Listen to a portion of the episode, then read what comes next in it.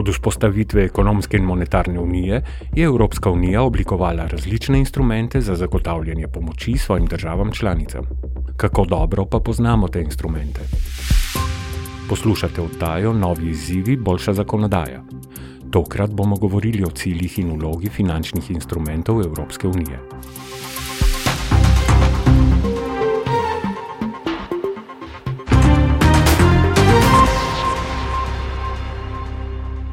Pred letom 2009 je Evropska unija razpolagala samo z enim instrumentom za zagotavljanje finančne pomoči svojim državam članicam, ki pa je bil omejen na države zunaj evroobmočja.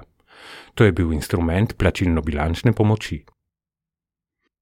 Plačilna bilanca je statistični računovodski izkaz, v katerem so povzete transakcije gospodarstva s preostankom sveta. Vključuje uvoz in izvoz blaga, storitev in finančnih sredstev ter plačila, kot je denimo tuja pomoč. Država članica lahko zaprosi za pomoč, če je iz njene plačilne bilance razbrati težave.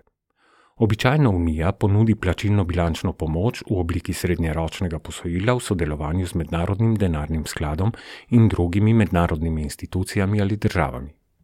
Za takšno finančno pomoč so že zaprosile ter jo tudi dobile Mačarska, Latvija in Romunija. Gospodarska kriza in kriza državnega dolga v Evropi med letoma 2009 in 2012 pa je pokazala očitne omejitve to vrstne pomoči.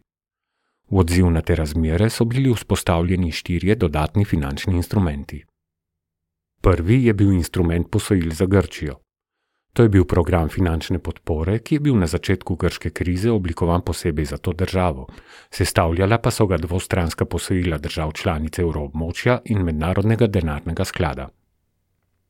Drugi instrument je Evropski mehanizem za finančno stabilizacijo.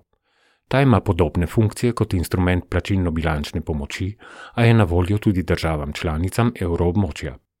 Aktivira se, ko za pomoč zaprosi država, ki ima finančne težave. Mehanizem za finančno stabilizacijo svoje ukrepe financira tako, da na trgih izdaja dolžniške instrumente. Ker pa je ta mehanizem za finančno stabilnost del zakonodaje Unije, jamstvo za posojila v njegovem okviru zagotavlja kar proračun same Unije. Ta posebna ureditev posojil pomeni, da Unija nima stroškov s servisiranjem dolga, saj država članica, ki dobi posojilo, preko komisije odplača celotno posojilo in obresti. Poleg tega mehanizem omogoča več nadzora in revizij. Prek tega mehanizma sta finančno pomoč med letoma 2011 in 2014 prijeli Irska in Portugalska. Grčija pa je kratkoročna premostitvena posojila prejela julija 2015. Komisija ima v okviru tega mehanizma možnost, da si na finančnih trgih v imenu Unije skupaj izposodi do 60 milijard evrov. Ko je huda kriza, ki je izbruhnila v Grčiji, grozila, da se bo prelila v druge države članice, pa so se pojavile bojazni, da omejena sredstva, ki so na voljo prek proračuna Unije, ne bodo dovolj. Zato je bil potreben sklad z občutno večjimi sredstvi in to je leta 2010 privedlo do oblikovanja tretjega instrumenta, Evropskega instrumenta za finančno stabilnost. Ta tretji instrument je nastal kot začasna rešitev za krizo po zgledu instrumenta posojil za Grčijo, ustanovljen pa je bil kot delniška družba po Luksemburškem zakonu. Državam članicam, ki so del evroobmočja, je omogočil, da poiščejo finančno podporo v obliki posojil ali kreditne linije.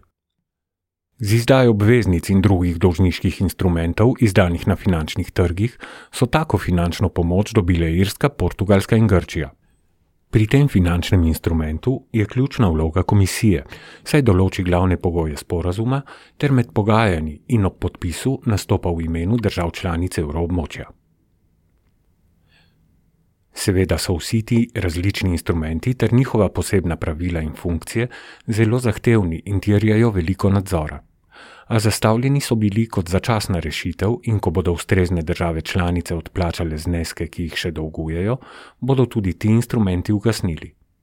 Ravno tako bo slejko prej prenehala obstajati tudi plačilno-bilančna pomoč, saj se pričakuje, da bodo s časoma vse države članice prevzele evro. Unija je pripravila bolj trajno rešitev.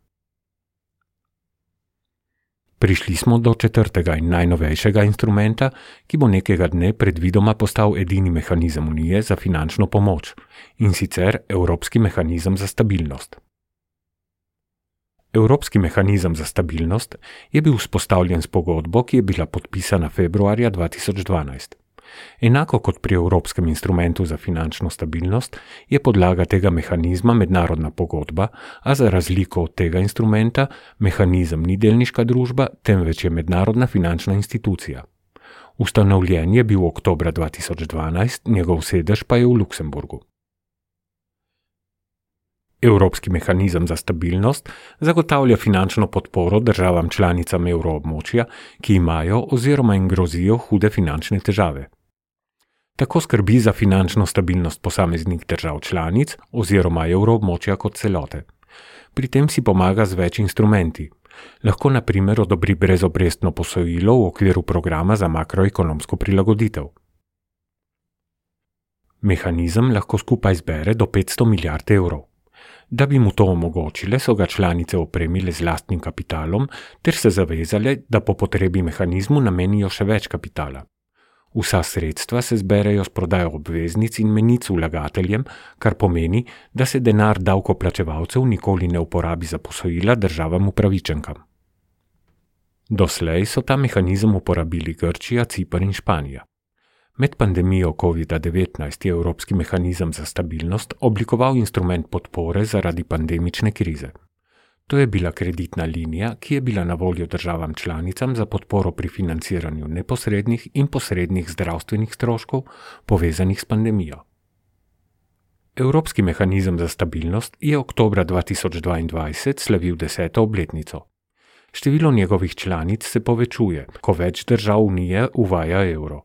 Naslednja bo že januarja 2023 Hrvaška, ki bo postala 20. članica evroobmočja.